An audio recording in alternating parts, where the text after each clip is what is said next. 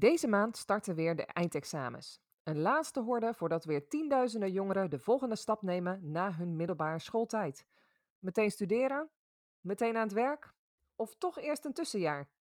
Hoe kunnen we als kerk jonge mensen helpen in hun vervolgkeuzes? Mijn naam is Martine Versteeg, relatiemanager Kerk en Jeugd bij Missie Nederland. En ik heb vaker met jullie gedeeld mijn zorgen over hoe in kerken jongeren vaak van de radar verdwijnen zodra ze van de middelbare school afgaan. Terwijl dat juist het moment is dat jongeren gaan nadenken over uh, identiteitsvragen als waar doe ik toe en waar hoor ik bij en wat heeft Jezus daarmee te maken. Uh, dit keer duiken we, duiken we daarom in de wereld van tussenjaren. En bij mij aan de virtuele tafel zitten Corjan Matsinger, uh, betrokken bij de Inside Out tussenjaar van de Witteberg, Janiete Potkamp, die zelf een tussenjaar op de Witteberg gevolgd heeft, en Judith Mulder, coördinator van de uitvormingsjaar van Youth for Christ Zwolle. Welkom allemaal. Hey, um, ik ben wel benieuwd. Tussenjaren. Hebben jullie eigenlijk zelf wel een tussenjaar gehad? Vertel, Judith. Ja, ik heb zelf uh, een tussenjaar gevolgd. Nadat ik uh, afgestudeerd was, toen wist ik eigenlijk nog niet zo heel goed dat ik dacht, oh, ga ik nu gelijk aan het werk of niet? Um, en ik was toen dit bij Navigator Studentenvereniging en ik heb daar een uh, tussenjaar gevolgd waar ik één dag training kreeg en toen ook wat taken mocht oppakken binnen de studentenvereniging. Oké. Okay. En Janita, jij? Uh, ja, ik heb het jaar Wittenberg gedaan, 2017. Um, nadat ik de opleiding kinderopvang had afgerond op het mbo. En toen heb ik uh, ja, het tussenjaar hier gedaan, wonen en uh, leren. Weet je. Kijk. En, en jij, Corian? Nee joh, ik ben echt een oude boomer, zeg maar, zou ze bij mij thuis zeggen. Dus ik wist niet eens van het bestaan van tussenjaren af pas toen ik zeg maar in het werkveld kwam, toen zag ik jongeren die dat uh, deden een tussenjaar. Toen dacht ik, wow, dat is te gek. Waarom heb ik dat niet gedaan? Oh, echt? Dus ja, een beetje ja. Uh, regret. Heerlijk. Ik ook niet hoor, jongens. Ik heb ook uh, maar geen tussenjaar, ja, tussenjaar gehad. Maar dat had voornamelijk mee te maken dat ik ook al een keer was blijven zitten. en dat volgens mij mijn ouders dachten, nou joh, weet je, ga jij maar eens even serieuze dingen doen of zo. Dus dat, uh, ik heb inderdaad ook nooit een, uh, een tussenjaar gehad. Wel op zich uh, jammer of zo, achteraf gedacht of zo. Inderdaad, ik herken wel wat jij zegt, uh, Corjan. Dat je denkt, oh, dat was wel leuk geweest misschien of zo. Maar ja. Yeah. Ah ja, ja. ja en op een gegeven, maar jullie zijn allemaal wel betrokken op, op wat voor manier dan ook bij tussenjaren. Um, maar ik ben daarin ook wel benieuwd van, joh, wat zijn eigenlijk redenen voor jongeren om een tussenjaar te doen? Corjan. Ja, plenty. Ik ben er ingedoken omdat ik voor de Witteberg een aantal jaar geleden een onderzoek heb gedaan, zeg maar rondom tussenjaren. En dan zie je dat 1 op de 10 jongeren die nu HBO of universitair onderwijs volgt, een beetje gemiddeld hoor, het ligt een beetje aan hoe je de cijfers leest, maar 1 op de 10 jongeren ongeveer het tussenjaar doet. En het grootste gedeelte, eigenlijk 4 tot 5 procent daarvan, die uh, gaat gewoon een tussenjaar nemen om gewoon uh, geld te verdienen. Er moet gewoon uh, saaf naar binnen, zeg maar, stacks. Er moet gewoon geld op de plank zijn om bijvoorbeeld op kamers te kunnen gaan wonen, of om je collegegeld te kunnen betalen, of om je studieschuld zeg maar zo laag mogelijk uh, te houden. Dat is eigenlijk van een van de grote redenen. De tweede die er tot voor corona heel erg aan gekoppeld zat, was reizen. Hm. Dat is 2 tot 3 procent. Die combineert het vaak. Hè. Bijvoorbeeld ook zeggen van ik ga een aantal maanden werken. En ik ga dan vijf maanden op stap of ik ga backpacken of uh, iets in die trant. Of uh, een soort project in het buitenland doen om je cv uh, te bouwen. Bijvoorbeeld het aanleren van een uh, vreemde taal. Hè, dat je zegt, daar wil ik beter in worden of dat soort dingen. En dan heb je de categorie van 1 tot 2 procent. Die zegt, ik ben andere dingen gewoon gaan doen. Daar zou bijvoorbeeld een tussenjaar aanbod waar wij bij betrokken zijn in kunnen vallen. Hm. En dan gaat het bijvoorbeeld, bijvoorbeeld rondom de Wittenberg, waren er best veel mensen het onderzoek die aangaven. Ik ging een tussenjaar doen omdat ik bijvoorbeeld zelfstandig wilde leren wonen. Oh, of uh, ik wilde nieuwe vrienden leren maken. Of, uh, uh, nou ja, of je, je cv bouwen, zeg maar. En dan heb je natuurlijk nog de categorie mensen. Dat, ik weet niet, Judith, wat jij daarvan echt komt, is ook voor mensen die het eerste jaar van hun studie zijn vastgelopen. Bijvoorbeeld HBO. En die zeggen, ja, ik wil toch even gewoon een check gaan doen, zeg maar. Wat wil ik nou echt? dus dan krijg je eigenlijk de grote vraag rondom studiekeuze. Hm. En dat is natuurlijk ook wat, waarom veel jongeren naar een HAVO of VWO tussenjaar gaan doen van ja, ik wil toch eigenlijk nog duidelijker hebben wie ben ik zelf, wat kan ik uh, en wat wil ik hierna dan vervolgens eigenlijk echt gaan studeren, zeg maar. Ja. ja. Want herken je dat, Judith? Ja, dat herken ik wel heel erg inderdaad. Vooral de jongeren die bij ons terechtkomen, die hebben inderdaad vooral zoiets van of ik weet niet welke studie ik moet gaan doen, of ik ben inderdaad vastgelopen um, in mijn opleiding en ik weet het eigenlijk niet zo goed. En dat die er dan dus voor kiezen om een jaar nou, apart te zetten en daar de tijd voor te nemen. Ja. ja. Wat was jouw reden, Janita? nou, een beetje een lang verhaal, maar ik, ik deed de opleiding kinderopvang en daar kwam ik eigenlijk wel een beetje achter van, dit, dit is niet wat ik mijn hele leven wil. Het is een soort van prima, maar niet leuk genoeg of zo. En toen ik op een gegeven moment na mijn weekendbaantje aan het fietsen was, ochtends, werd ik aangesproken door een moeder van een vriendin van mij. Die vriendin van mij zat in het buitenland, ook tussenjarig toen en zo. En uh, die zei tegen mij, je moet een bijbelschool gaan doen. En toen dacht ik, ja, wat is überhaupt een bijbelschool? Ik kom ook uit een dorp waar dat soort dingen eigenlijk niet zo bekend zijn. Uh, en uh, toen ben ik een beetje onderzoek gaan doen, zeg maar. En zij ehm, zei tegen mij, Royal Mission is een bijbelschool. En toen uiteindelijk kwam ik op de site ook van de Witteberg terecht, zeg maar. En dat ook een beetje van, ja, ik weet niet zo goed wat ik met mijn leven wil. Wat ik doe is prima, maar niet voor altijd. Uh, dus een beetje met die gedachten ben ik denk ik tussen jaren. Ja, ja mooi. Dus het is best wel heel divers, hè? Van, van wat nou uh, uh, redenen zijn voor jongeren. Maar, eh, je, kan je nog een keertje zeggen, Corjan, wat, hoeveel jongeren gaan in principe nu... Ja, die cijfers, cijfers wisselen een beetje. Echt als je als je die cijfers van het Centraal Cultureel Planbureau bijvoorbeeld leest, of van onderwijskundige rapporten, dan zie je dat het in 2000, zeg maar pak een beetje 15 jaar geleden was het ongeveer 5% van de jongeren. En nu zou het dan gemiddeld ongeveer 1 op de 10%, 10 moeten zijn. Oh ja. En soms wordt er zelfs nog wel hoger aangegeven. 11,5% komt in sommige onderzoeken ook wel voor. Dus het is echt, echt significant gestegen. Ja. En ik denk ook wel het imago rond een tussenjaar. Ja. Uh, ik denk dat vroeger nog iets meer, eh, vroeger was nog iets meer van, uh, oh ja, je weet het niet, nou uh, loser. En ik denk dat het nu veel veel meer geaccepteerd is onder jongeren zelf ook. Gewoon, ja, je gaat gewoon een tussenjaar doen, want je wil die tijd gewoon pakken. Ja. Dat het imago wel, vind ik, heel sterk verbeterd is. Van het tussenjaar. Ja, en, maar heeft het misschien ook wel te maken met dat, dat, uh, uh, dat zien we in ieder geval in heel veel cijfers ook rond jeugdwerk, hè? dat ze zeggen van, hé, hey, die hele uh, adolescentie duurt langer ook, hè? Dat ze zeggen van, het duurt steeds langer voordat jongeren een beetje soort van weten wat, wat ze willen en een beetje die stabiliteit hebben in die vragen, identiteitsvragen van hey, wie ben ik, waar hoor ik bij en waar doe ik toe? Zou daar denk ik ook wel mee kunnen te maken, uh, te maken kunnen hebben, denk ik. Ja, ja, denk ik ook. Alhoewel, even nog even heel terug naar de andere. Er kwam de cijfers van de MBO'ers die doorstromen naar het HBO. Hè? Die nemen steeds vaker een tussenpose. En dat is omdat ze gewoon als MBO'er gewoon dik geld kunnen verdienen. Dus die zeggen: ik ga eerst een paar jaar gewoon goed potten. En dan stroom ik door uh, bijvoorbeeld van die MBO pas naar mijn HBO. Want dan heb ik gewoon mijn cash gewoon goed gevuld. Dus er zijn denk ik soms ook gewoon hele, ja, hoe zou ik dat dus netjes zeggen, hele praktische redenen gewoon om dat tussenjaar te nemen. Ja, zeg maar. Materiële keuzes daarin of zo. Uh. Ja. ja. Ja. Ja, dat is misschien ook wel goed om in die zin te noemen, hè? Dat, die, dat, dat, dat tussenjaren. Er zijn natuurlijk hele, hele verschillende tussenjaren. Ehm, eh, en lang niet altijd uh, uh, vanuit de christelijke optiek. Maar toch verrast het me in die zin over hoeveel christelijke tussenjaren er ook wel zijn. Dat is, dat is echt wel. Het zijn niet meer op één hand te tellen, zeg maar. Dat, Nee, dat is inderdaad zeker wel interessant. Ik, toevallig sprak ik twee weken geleden een decaan hierover. En die toen had ik het ook even met hem hierover van um, hoe, nou, waarom ook dat christelijke stukje identiteit. En hij gaf aan, ik zie dat heel veel mensen die ehm, niet weten wat een studiekeuze gaat zijn of wat het vervolg gaat zijn, dat die eigenlijk ook wel rondlopen met meer uh, grotere vragen. Um, en net wat jij ook zegt, dat dat, ik denk dat tegenwoordig we daar steeds meer tijd voor uittrekken om daar over na te denken, om daar ook over te mogen twijfelen. en dat dat dus ook nou ja, het extra relevant maakt dat er dus christelijke tussenjaren zijn. Omdat het niet alleen over een studiekeuze gaat, maar ook over wie ben ik, wat is mijn identiteit. En dat je dan ook ehm, nou, best snel bij je ehm, persoonlijkheid eigenlijk bij je diepere drijfveer en ook dus het geloof. En dat je die, uh, nou, dat het heel mooi is dat die daar ook in verweven is. En dat het dus, nou ja, ik denk dat dat ook een van de vertalingen is waarom er verschillende christelijke uh, tussenjaren zijn, om daar in tegemoet te komen. Ja, want wat zijn dan in die zin de voordelen uh, van, zo'n tussenjaar? Ik hoor aan de ene kant dus een tussenjaar gewoon puur eigenlijk uh, hè, de, de, de, materiële kant van uh, je, je, um, je verdient er wat aan, zeg maar. En aan de andere kant hoor ik je eigenlijk een soort van die ontwikkeling van, van je eigen geloof en je eigen identiteit. Wat zijn er verder nog voordelen van, ehm, van tussenjaren? Ja, je hebt ook een jaar de tijd om echt te kijken wat bij je past. En je kijkt naar wie je zelf bent en daar kom je gewoon ook achter dingen die je leuk vindt, maar ook aan je eigen talenten en zo.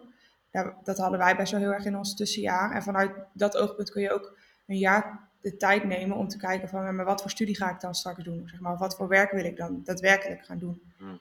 Je hebt er gewoon veel meer de tijd voor om, om dat dan te kiezen, zeg maar, in plaats van in het vierde jaar van het mbo, waarin je stress hebt om je examens, waarin je stress hebt om tentamens en dus ook nog een studiekeuze moet maken. En soms weten veel jongeren ook helemaal niet wanneer ze, zeg maar, wat ze dan willen. En dan is het opeens een maand en dan moet je ingeschreven staan, zeg maar. Ja, ja, want het is inderdaad, hè, wat ik uh, ook in de intro uh, dan uh, verteld heb van hey, komende maand of deze maand is dan de examens weer van start.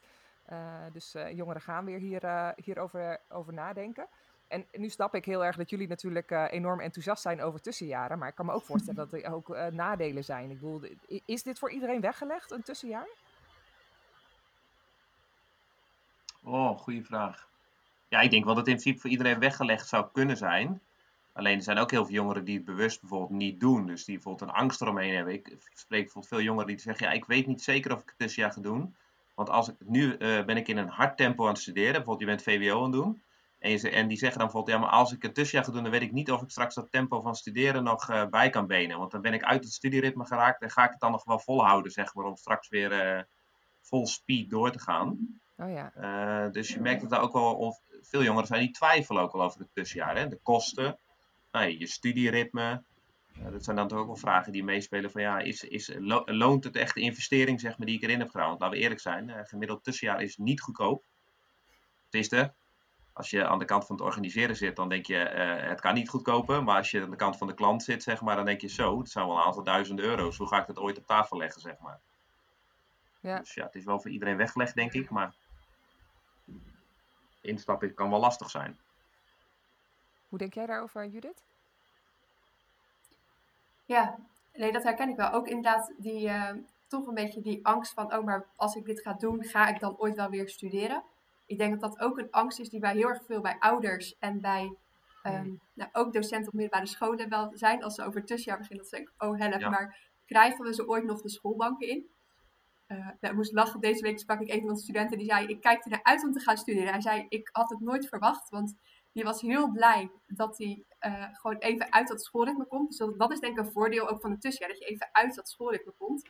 Maar die zei: Ik kijk er gewoon weer naar uit. En toen dacht ik: Oh, wat grappig, want als die vanuit zijn HAVO gelijk was doorgegaan, dan was het meer een, nou ja, vanuit de gewoonte van we gaan door en studeren wordt erbij. En nu, hij had er gewoon echt zin in. Dus dat vond ik grappig. Maar die angst, die hoor ik heel vaak terug, ook met ouders, als ik hen over een tussenjaar spreek, dat ze dat best wel spannend vinden. Van, maar gaan ze daarna wel echt doorstuderen of stoppen ze nu en ehm, nou, is dan wat ze nu hebben gehaald, is dat hetgene wat ze qua onderwijs uh, volgen? Oh, gek eigenlijk, hè, wat dat betreft. Want ik kan me echt juist, uh, als ik dit zo hoor, het zou een super interessant uh, onderzoek zijn. Als, hè, om te kijken van, hey, wat is het effect op studiegedrag van, van jongeren die een tussenjaar hebben gehad en daarna gaan studeren. Van, van wat hebben ze in die zin uit zo'n uh, tussenjaar gehad. Maar als ik jou zo hoor, dan denk ik, oh ja, ik kan me echt wel voorstellen dat het juist heel erg uh, helpt om, om te herbronnen vanuit je, hey, waar, waar ga ik voor? En vanuit een duidelijke visie daarop is inderdaad je studiegedrag vermoedelijk ehm, meer ge intrinsiek gemotiveerd, zeg maar dan uh, wanneer je het uh, door zou zetten vanuit een uh, middelbaar onderwijsmodus van zo doen we dat nou eenmaal. Ja, ja ik kan me inderdaad echt wel... Ja, het is wel boeiend. E-, Engels, Engelse onderzoeken geven aan dat uh, inderdaad betere studieresultaten hebben na een tussenjaar. Meer focus, controle op je studie hebben, dus ik weet wat ik aan het doen ben en minder studieuitval. Nederlandse cijfers ondersteunen dat trouwens tot nu toe nog niet. Okay. Dus die zeggen eigenlijk van, uh, wil niet zeggen dat er minder studieuitval is als je een tussenjaar hebt gedaan. Dus dat is, dat is wat somberder beeld. Maar vind ik ook heel lastig. Want als je natuurlijk ziet dat van die 10% 6%, uh, 6 gewoon eerst gaat werken. Uh, dan wil natuurlijk dat nog niet zeggen dat je een verschil hebt gemaakt in je studiekeuze. Terwijl ik denk als je echt een, een tussenjaar, bijvoorbeeld zoals Royal Mission of de EH of de Wittenberg of uit, weet je, als je al die dan ben je natuurlijk in een, toch een iets wat ander traject. En dat is volgens mij nog nooit gemeten, zeg maar. Dat die er uitgelicht zijn. En dat er dan gekeken is naar wat voor effect heeft dat. Want ik zou geneigd zijn te denken dat dat een verschil moet maken. Ja, dat, ja, ja, ik kan me inderdaad voorstellen. En dat is denk ik ook wel heel... Uh, het grappige is, in mijn hoofd heb je gewoon tussenjaar punt of zo. Maar, maar ik hoor nu gewoon in dit gesprek dat ik denk uh, zoveel verschillende soorten tussenjaren, maar ook zoveel, zoveel verschillende motivaties om de tussenjaren te doen. Ja. Um, hey, maar, en, en in die zin vind ik dan ook wel interessant, want daar hebben we het al wel heel kort over gehad, maar even goed om daar even nog verder op in te zoomen over het christelijke aspect hè, van, van, uh, van tussenjaar. Want uh, jullie zijn beide, zeg maar, bieden jullie een, een, tussenjaar aan wat heel erg ook gaat over geloof. Um, wat, is de, wat is waardevol aan dat christelijke aspect, zeg maar, in het tussenjaar? Wat voegt dat toe, merken jullie bij, bij jullie tussenjaar? Ja, wat ik zelf ehm, zie is dat de studenten vaak binnenkomen met van nou, ik weet niet precies ehm, wat ik, uh, welke kant ik op ga, welke studie ik wil gaan doen, dat ze die vraag hebben. ben ik en dat iedereen kwijt? jaar heen veel meer leren wie ze zelf zijn, maar ook wat hun geloof daarin betekent. En dat stukje nou, geloof en wie ben ik zelf, dat dat elkaar heel erg aanvult. Ja. Dus dat, dat, dat die eigenlijk niet los van elkaar te koppelen zijn. en nou, een van de studenten gaf dat pas ook aan. Die zei van, ja, weet je, ik kwam hier eigenlijk voor het zoeken van mijn juiste vervolgkeuze. Maar het is vooral ontdekken um, wie ik zelf mag zijn en wie ik zelf ook wil zijn. Met mijn identiteit in Christus. En hmm. zij zei ook van, ja, ik denk dat ik het in het geloof het meeste heb geleerd. Maar daar ben ik ook super dankbaar voor. Want dat ondersteunt heel erg mijn vraag van, maar wie ben ik nu eigenlijk en waar wil ik naartoe? Want ja. dat wil ik ook als basis laten zijn. Ja, Janita, ik ben eigenlijk wel benieuwd. Herken je dit wat ik uh, net zei? Uh, ja, ik denk het wel. Ook was het mijn eigen insteek wel om uh, naar de Witteberg te gaan, om dus ook echt mijn geloof te verdiepen, zeg maar. Ik denk ook dat, dat het oude lesmethode zeg maar, van de Witteberg dat ook wel echt verleende, echt de hele verdieping van de Bijbel. Um, maar ik denk wel dat, dat dat zeker een grote meerwaarde heeft, dat als je op zoek bent naar jezelf, uh, je ook echt mag leren wie God is, zeg maar. En de keuzes die je maakt. En uh, in het leven, zeg maar. Ja. Hey, en wat, wat, wat, dat betreft ben ik eigenlijk ook wel benieuwd naar. Ik bedoel, we hebben heel veel verschillende. En wat ik zei, er zijn heel veel christelijke tussenjaren. Maar goed, jullie zijn nu even hier aan mij, bij mij aan de virtuele tafel. Dus uh, vertel eens, hoe ziet uh, zo'n tussenjaar bij uh, Inside Out bijvoorbeeld eruit, Corian? Uh, bij ons komen de studenten in een hele kleine groep, dus maximaal 15 uh, studenten. Die komen voor vijf maanden op de Witteberg. Dus die gaan daar ook wonen. Die worden onderdeel van een leefgemeenschap van, nou kijk even naar Janita, volgens mij bij elkaar wonen er 80 mensen. 83, precies zijn. 83. Uh, en dan word je dus eigenlijk vijf maanden ben je een soort van te gast in de grote herberg daar zo. En volg je vier dagen per week onderwijs. Eh, in je klas, zeg maar. Dus nou ja, het was natuurlijk met corona allemaal zoeken hoe dat was. Dat was voor elk tussenjaar, denk ik, enorm puzzelen. Maar in ieder geval, zoals het nu is, volg je met elkaar volg je lessen. En dat betekent zeg maar dat dat over de Bijbel gaat, maar dat gaat ook over je studiekeuze. Dus je eigenlijk kunnen zeggen, je, het is jezelf beter leren kennen, God beter leren kennen en jouw plek in de wereld. En dat betekent bij ons zeg maar dat je nou ja, de Bijbel beter leert kennen, jezelf beter leert kennen. Daar horen natuurlijk allerlei testen en psychologische dingen bij studiekeuze uh, traject wat er ook weer ingebouwd zit in die vijf maanden, als dat voor jou relevant is. En heel veel persoonlijke coaching. En die persoonlijke coaching kan bij ons, omdat het zo kleinschalig is, zeg maar. Dat je dus veel één op één contact hebt met een mentor slash coach. Die met jou echt gaat zitten van, oké, maar wat is jouw droom? Waar wil jij naartoe? En hoe kunnen, we dat, hoe kunnen we daarin meedenken? Dus dat kan bijvoorbeeld betekenen dat een mentor gaat zeggen, ik ga vier christenen voor jou regelen die mogelijk in jouw beroepsveld zitten, met wie jij echt in contact kunt komen, gesprekken kunt voeren en kunt aftasten van oké, maar wacht even, oh ja, zo doet diegene dat, zeg maar. Uh, en er is één keer in de twee weken een expeditiedag, noemen wij dat. Daar kan ik niet te veel over zeggen, want dat is uh, redelijk top secret. Dat betekent dat je s'morgens dan eigenlijk niet weet wat je gaat doen die dag. Uh, dus ja, eentje die er niet in zit, maar wat het zou kunnen zijn. Hè? Dus om een voorbeeld te geven, stel jij doet de envelop open en dat betekent dat je die dag naar Amsterdam moet, naar het Leger des Heils, naar de Wallen. En dan ga je daarbij een inloophuis ga je helpen. En dan kan je challenge factor 1, 2 of 3 pakken. Op basis van hoe ver jij uit je comfortzone wilt gaan.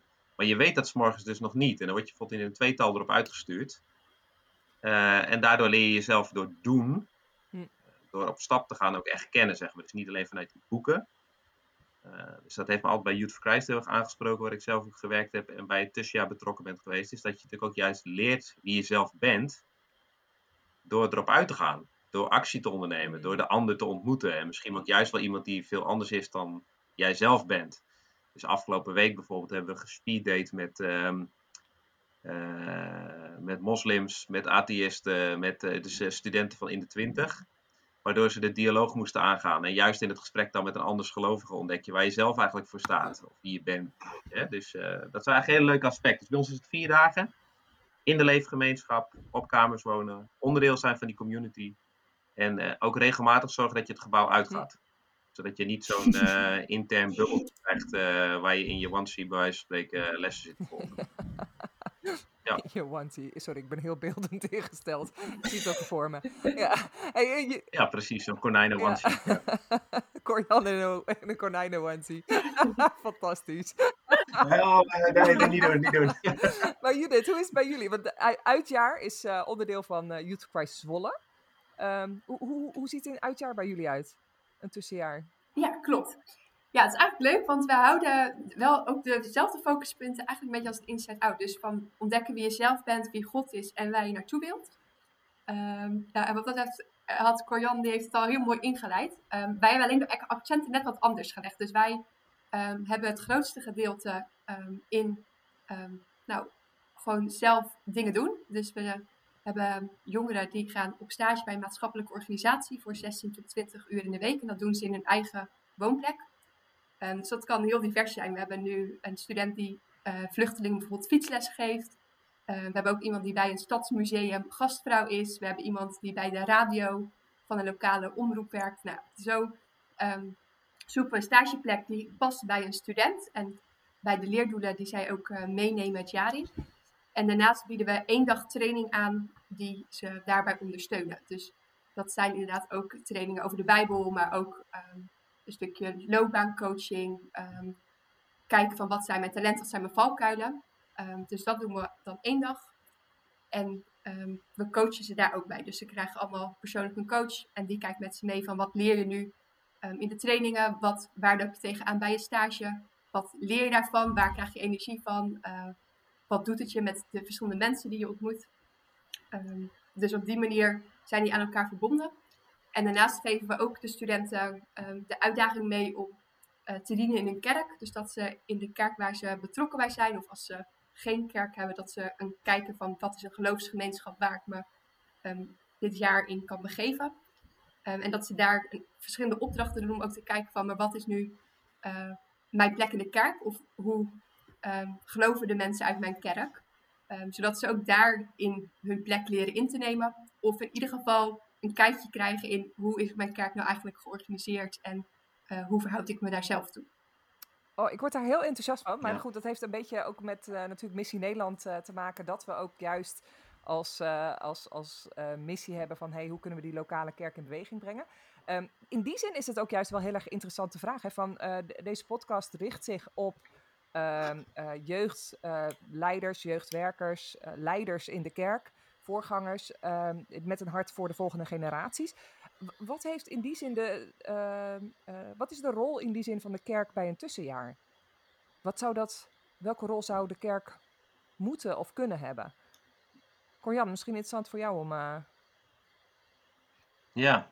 ja, ik zit nog even te denken van, uh, ik zou als, als jeugdleiders heel erg willen stimuleren, zeg maar, als je met je jongeren optrekt om ze te wijzen op het feit dat er heel veel verschillende christelijke tussenjaren zijn. Dus bijvoorbeeld stel dat je jeugdleider bent en je hebt zelf uh, de Witteberg gedaan, ik noem wat. Durf niet gelijk alleen daarnaar te verwijzen. Want er zijn, wat ik heel sterk vind, is dat er zoveel verschillende tussenjaren zijn qua leerroute. Dus of jij nou in de shelter in Amsterdam uh, een tijd meedraait, in een youth hostel, of je wordt trainee bij uh, Present. Dat is een hele andere leerroute, zeg maar, om jezelf te vinden uh, dan bijvoorbeeld een EH of een Royal Mission doet. Terwijl voor de ander is dat misschien juist weer een uh, goede plek om. Dus ik zou heel. We hebben zo'n website in het leven geroepen, ikzoekentussenjaar.nl. Gewoon ikzoekentussenjaar.nl. En daar heb ik inmiddels 20 christelijke aanbieders van tussenjaren op staan. Wow.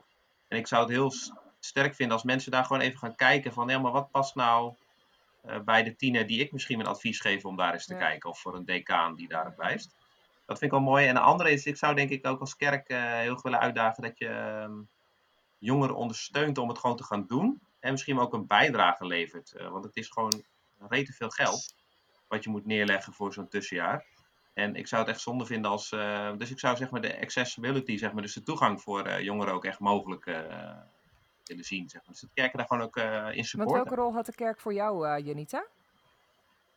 Ja, ik werd eh, financieel ondersteund door de kerk, eh, waardoor voor mij het mogelijk was dus om het tussenjaar te doen. Ehm, en daarnaast werd ook wel voor me gebeden door eh, vrijwilligers met wie ik optrok, zeg maar. Maar ik merk wel dat het voor mezelf eh, ook een soort verantwoordelijkheid gaf van hé, hey, de kerk vertrouwt mij in om mij dus financieel te sponsoren om dit te kunnen doen. Waardoor ik ook wel zelf een soort van iets terug kon geven aan de kerk door mij vrijwillig daar na het tussenjaar op te stellen. En daarvoor deed ik het ook al wel.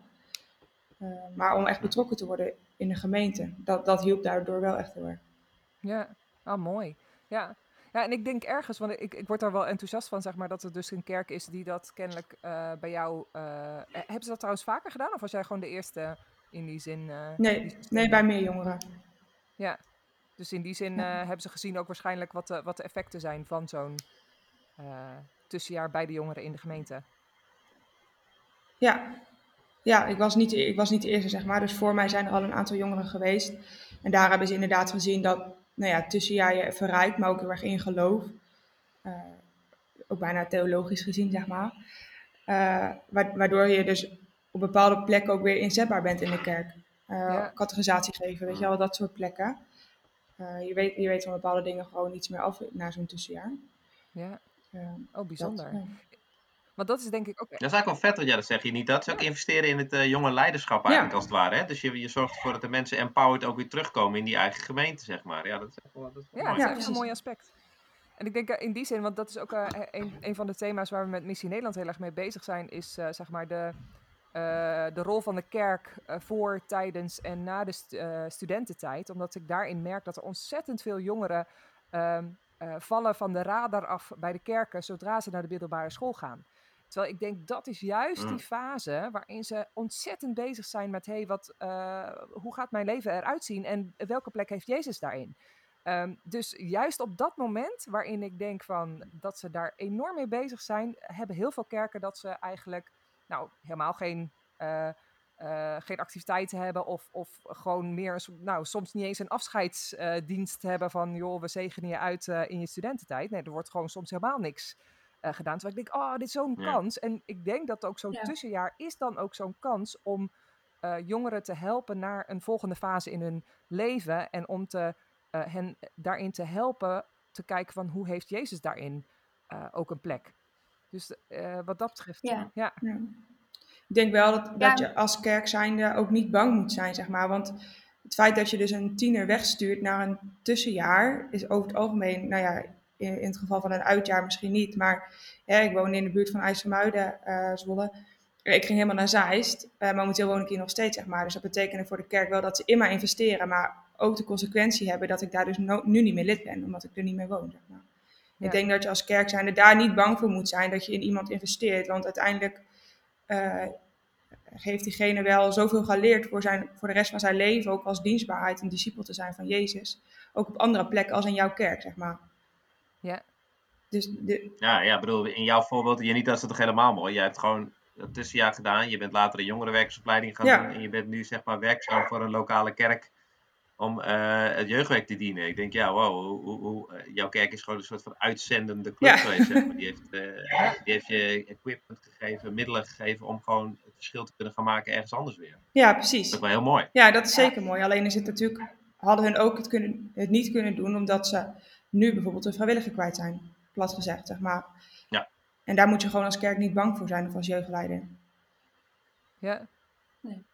Hey, maar Ja, inderdaad, ik moest ook nog wel denken, nu we dit zo bespreken, dat ik denk, oh ja, het is denk ik heel mooi als jeugd- en jongerenwerker dit te stimuleren. Maar ik denk ook dat wat wij, ehm, nou, wat van ons beiden hoor in het tussenjaar van jongeren de kans geven om te dekken wie ze zijn, dat dat ook in de kerk al heel erg kan. Dat, zeg maar, ik denk ook dat het heel bijbels is om te gaan ontdekken van, maar wat is nou de potentie die God in ons als mens heeft gelegd? En dat we daar nou, elke keer weer in mogen ontdekken, maar dat de kerk daar ook eh, nou, een hele belangrijke rol in kan spelen. Omdat dat eigenlijk een hele mooie speeltuin is waar jongeren kunnen ontdekken van, maar wat vind ik nou leuk en waar eh, kan ik mijn talenten inzetten?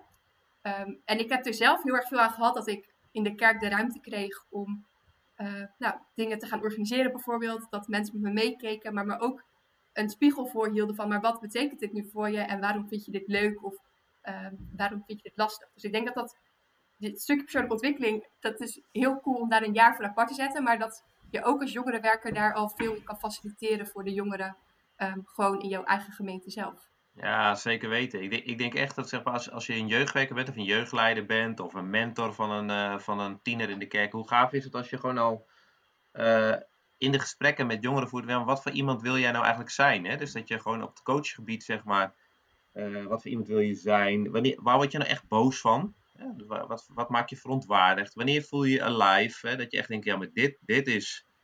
Ja, ik denk als je jongeren al helpt in, in, om dat soort dingen, vragen te ontdekken, dat je ook enorm al kan helpen in het gemeente zijn, ja. om zeg maar jouw plek in Gods wereld te ontdekken. Van, ik denk, hoeveel mensen vragen dat nou? Van, wanneer gaan de lampjes in je ogen branden?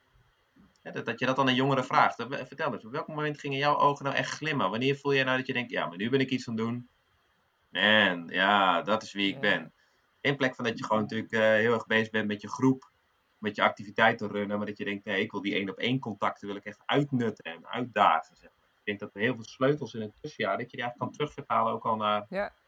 Lokaal gemeente. Maar wat is dan, ja. want dat vind ik dan wel een boeiende, dat je zegt van, uh, hè, dus eigenlijk zouden we in het jeugdwerk daar al ruimte voor moeten maken en, en, en al eigenlijk een soort van tussenjaar, uh, de vragen die je anders in het tussenjaar stelt, al in het jeugdwerk moeten verwerven, uh, verweven. Maar wat is dan in die zin, uh, stel dat we het ideale jeugdwerken daarin hebben, welke positie heeft dan een, een tussenjaar, vraag ik me dan af. Er zit, ik proef daarin wel nog steeds van iets bijzonders van een jaar apart zetten. Ja, zeker weten. Ik denk soms dat je ook juist moet uitvliegen, je horizon moet verbreden. Als je ergens, ik, had van mezelf opgeschreven, als je ergens anders bent, dan zijn je zintuigen vaak veel meer open. Dus volgens mij neem je juist in een nieuwe context. Dus ja, je woont uh, in, uh, weet ik veel, je bent daar ergens in één keer in Drachten terechtgekomen bij Royal Mission. En uh, daar woon je met elkaar als groep. En dan komen andere mensen dan die je normaal gesproken kent. En in één keer is het anders. Dus ik zou dat, dat volgens mij bij heel veel tussenjaren zo. Je komt in een andere context. Ja. In één keer loop jij in Amsterdam, want je bent bij een youth hostel aan het werken. Ja, alle andere culturen om je heen. Dus ik denk zeg maar juist door uit te vliegen. Uh, ik gun jongeren dat eigenlijk, zeg maar. Dat ik denk, je, je neemt dingen anders waar. Je neemt ze, je neemt ze anders tot je. Je zintuigen zijn anders ook. Je, je, je, sensoren om dingen tot je te nemen zijn gewoon beter. Ja. Weet je wat ik ook wel in die zin wel uh, nu me realiseer? Wat het interessant is van het tussenjaar, is dat uitvliegen doen ze natuurlijk ook als ze gaan studeren. Uh, alleen een tussenjaar is dan een soort van, een tussen, wel een hele veilige ehm, nou ja, zeker als, als het gaat over georganiseerde tussenjaren, is het een hele um, veilige plek waar, waarbinnen je kunt ontwikkelen. Hè, ik, ik weet dat ik, we hebben eerder een keer een podcast gedaan, ondertussen twee jaar geleden denk ik, met Miriam Swaffield over die, die rol van de kerk bij studenten. En dat er inderdaad onderzoeken zijn geweest waarin er gezegd wordt van jongeren die naar de studententijd gaan, vaak binnen acht dagen dat ze hun morele standaard op het gebied van drugs, alcohol, seks, verlagen binnen acht dagen dat ze beginnen met studietijd. Gewoon puur, nou ja, dus ergens is dat ook logisch, want wat heb je de eerste week van je studie is namelijk je uitweek. Uh, of weet dat, uh, zo je vormings, je ontgroeningsweek, zeg maar. Dat, ja, dus ergens wel logisch, maar wel interessant, zeg maar, van in hoeverre ben je daar al... in zo'n tussenjaar gaat je, ga je natuurlijk ook bezig over, hé, hey, maar waar sta ik voor? En wat, wat zijn mijn uh, uh, morele standaards. Hoe wil ik als persoon zijn? En mm. kun je dan vervolgens stevig ook in je, uh, met een rechte rug, zeg maar, de studententijd in, om die morele grenzen die je zelf prettig vindt, om die ook daarin sterk te zijn, zeg maar. Ja. ja. Ja. dat herken ik wel heel erg. En ook denk ik dat het heel erg de ruimte geeft om. Um, dus dat zeg ik ook tegelijkertijd. Neem je de ruimte om je fouten te maken. Dus uh, weet je, het is helemaal niet erg als jij uh, een keer, weet ik veel, afspraken totaal niet nakomt, de frustratie ontstaat. Want we kunnen binnen deze setting, kunnen we dit opvangen. We kunnen met je meekijken van, maar waarom loopt dit nou verkeerd? En wat zou je een volgende keer anders doen? Uh, en nou, ik denk dat het een hele fijne basis is om daarna je studententijd in te gaan en uh, dat mee te nemen. En inderdaad te ontdekken van, maar wat vind ik nu zelf belangrijk en ehm, hoe sta ik in het leven? Ja, ja. ja mooi. Hey, en En ik denk, dat Martine als, als, als, als lokale kerk, hè, ik denk als je die mensen nou eh tussenjaar laat doen, of, of mensen nou inderdaad verder weg al doordat ze studeren. Ik zou ook heel erg kunnen voorstellen dat je die mensen eh, eens een keer terug laat komen.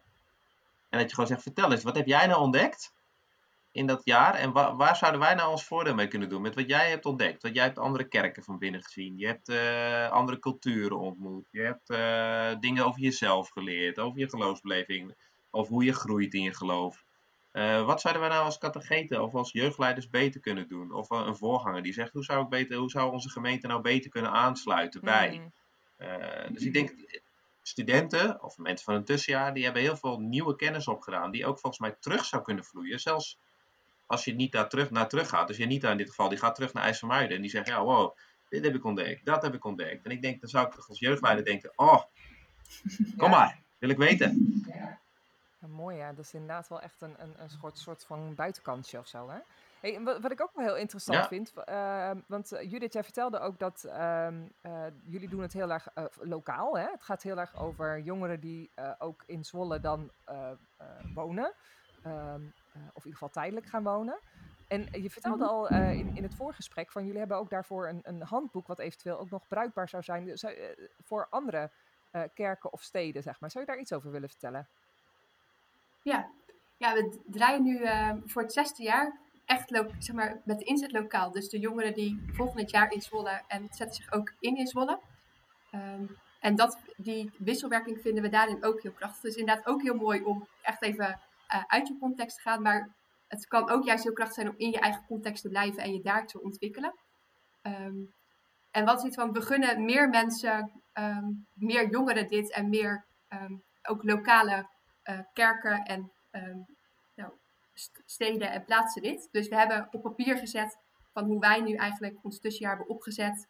Ehm, en daar hebben we een soort van starterskit van gemaakt voor mensen die daarin geïnteresseerd in zijn. Omdat we nou, wel echt geloven dat we op die manier ook een stukje van Gods Koninkrijk eh, nou, met elkaar kunnen bouwen. Dus als er mensen zijn die zeggen van, oh, ik ben eigenlijk wel heel erg benieuwd, dan eh, nou, stuur ik ze dat graag toe en kan ik nog eens in gesprek gaan om eh, wat meer toelichting te geven. Ja, en ik zal inderdaad zorgen, want we zorgen altijd inderdaad voor een overzicht bij elke podcast met allerlei tips rond, eh, rond dit thema. Dus dan zet ik daar ook in. En ook natuurlijk de eh tussenjaarchecker van ik ga op tussenjaar.nl. Wat was het ook weer, Corjan? Ik zoek een tussenjaar.nl. Ik zoek een tussenjaar.nl. Ja, hey, en we moeten langzamerhand gaan afronden. Maar eigenlijk is er nog één vraag waar ik wel een beetje mee zit. Is dat ik denk, jongen, wat, ehm, welk effect, effect heeft corona ehm, eigenlijk op het hele ehm, tussenjarenmarkt gehad? Ik kan me echt voorstellen dat er best wel wat effecten op eh, is gekomen, zeg maar. Klopt dat? Ja. Ja, in de, in de informatieaanvragen, ik, eh, bel, eh, ik app en eh, bel met eh, jongeren die dus info-aanvragen doen, bijvoorbeeld voor Inside Out, hè, voor, voor de Witteberg. En dan zie je een heel aantal mensen die zich aan het oriënteren zijn op een Witteberg, maar ook echt, zo gauw als het mogelijk is, toch weer eh, gelijk toch gaan doorstuderen. Dus de, de groep mensen, die, eh, dat zag je dit jaar ook, hè. Eh, dus zo, nou, ik weet even het getal niet uit maar echt een enorm gro- grote toestroom in het HBO-onderwijs bijvoorbeeld, in wetenschappelijk onderwijs, omdat heel veel jongeren zeiden: ik ga gelijk doorstuderen. Gelijk door, door, door, door, zeg maar. Dus dat de instroom nog nooit zo groot is geweest als dit jaar in HBO en wetenschappelijk onderwijs, zeg maar, omdat mensen gewoon doorgaan. Dus je zit nu in het afgelopen jaar door corona een dip in het aantal jongeren wat een tussenjaar is genoemd. Ergens vind ik dat wel bijzonder of zo. Omdat ik eigenlijk zou denken, zeker ook omdat je nu juist voor die leeftijd 18 plus heel veel hoort over ehm, eh, eenzaamheid, ehm, eh, de- depressie, somberheid. Dat ik denk van ergens zou ik me kunnen voorstellen dat dan juist een tussenjaar, waarin je ook gewoon een stukje reflecteert op, joh, wat, wat hebben we in vredesnaam meegemaakt afgelopen jaar? Het is natuurlijk echt niet niks. Ja. Wat je nu in je jeugd. Maar voor veel jongeren was, het natuurlijk, eh, was het tussenjaar ook bedoeld op de reizen. Dus die valt natuurlijk weg. Hè? Dus die factor moet je in beeld houden. Eh, moeilijker vinden om werk te vinden. Dus stel dat je denkt, ik wil geld verzamelen door in de horeca te werken. Ja, dat kon gewoon niet, zeg maar. Dus daar krijg je ook een hele dikke dip van. Eh, en toch ook wat schrikbeeld van ja, dan heb ik een tussenjaar achter een beeldscherm vandaan. Ja. Dus dat is echt met terugwerkende kracht zijn het redenen. Dus terwijl ik denk, nu zou je wat mij betreft denken van nou jongens, met volle kracht vooruit. Eh, want die wereld gaat weer open, de opties liggen weer open. En het is juist er allemaal heel, eh, er is weer juist ook weer, straks in toenemende mate zijn er weer dingen mogelijk, zeg Ja. maar. En het wil dus niet zeggen dat elk christelijk tussenjaar eronder te lijden heeft gehad. dus het is even goed om de scope breed te houden van wat gebeurt er in Nederland algemeen. En wat gebeurt er onder christelijke tussenjaren. Want Ja. ik heb vorige week les gegeven bij eh, Royal Mission. Kom ik ook wel eens. En daar zat eh, de groep gewoon weer lekker helemaal vol. Ja. Ja, en dat was is denk ik ook de ehm, aanloop naar het tussenjaar wel anders. Zeg maar, afgelopen jaar toen was eh, corona natuurlijk wel, maar toen, zeg maar, nu hebben echt de mensen die nu examen gaan doen, deze periode, die hebben natuurlijk, eigenlijk zitten ze al anderhalf jaar lang ehm, in corona.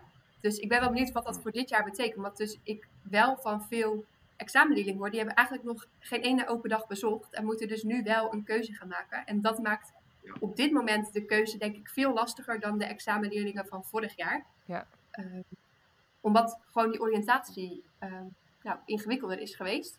Ja. En tegelijkertijd nog steeds de vraag is of reizen gaat lukken en ehm baantjes en zo. Dus ja, ik kan lastig daar voorspelling over doen. Maar ik ben wel heel benieuwd wat, hoe dat eruit gaat zien na Ja. de zomer. Ja, Heel herkenbaar. Ik kreeg nu ook vragen van het traject wat bij ons in september weer start. Ja, wanneer kan ik voor, wanneer, eh, hoe, tot wanneer kan ik nog inschrijven? Want eh, eh, wanneer zijn jullie open dagen in juni? Want Oh, ja, ik ben alles nog aan het verkennen, zeg maar. Dus je voelt wel, het, het schuift naar achter, zeg maar. Ook het wordt steeds later. ja. Ja, dus dat, wat dat betreft ook nog een spannende jaar sowieso voor, voor alle tussenjaren. Maar eh, ik denk dat het daarin ook wel een, een, een extra uitdaging is, eh, ook voor jeugdleiders die, eh, hè, die nu te maken hebben met jongeren die examen doen.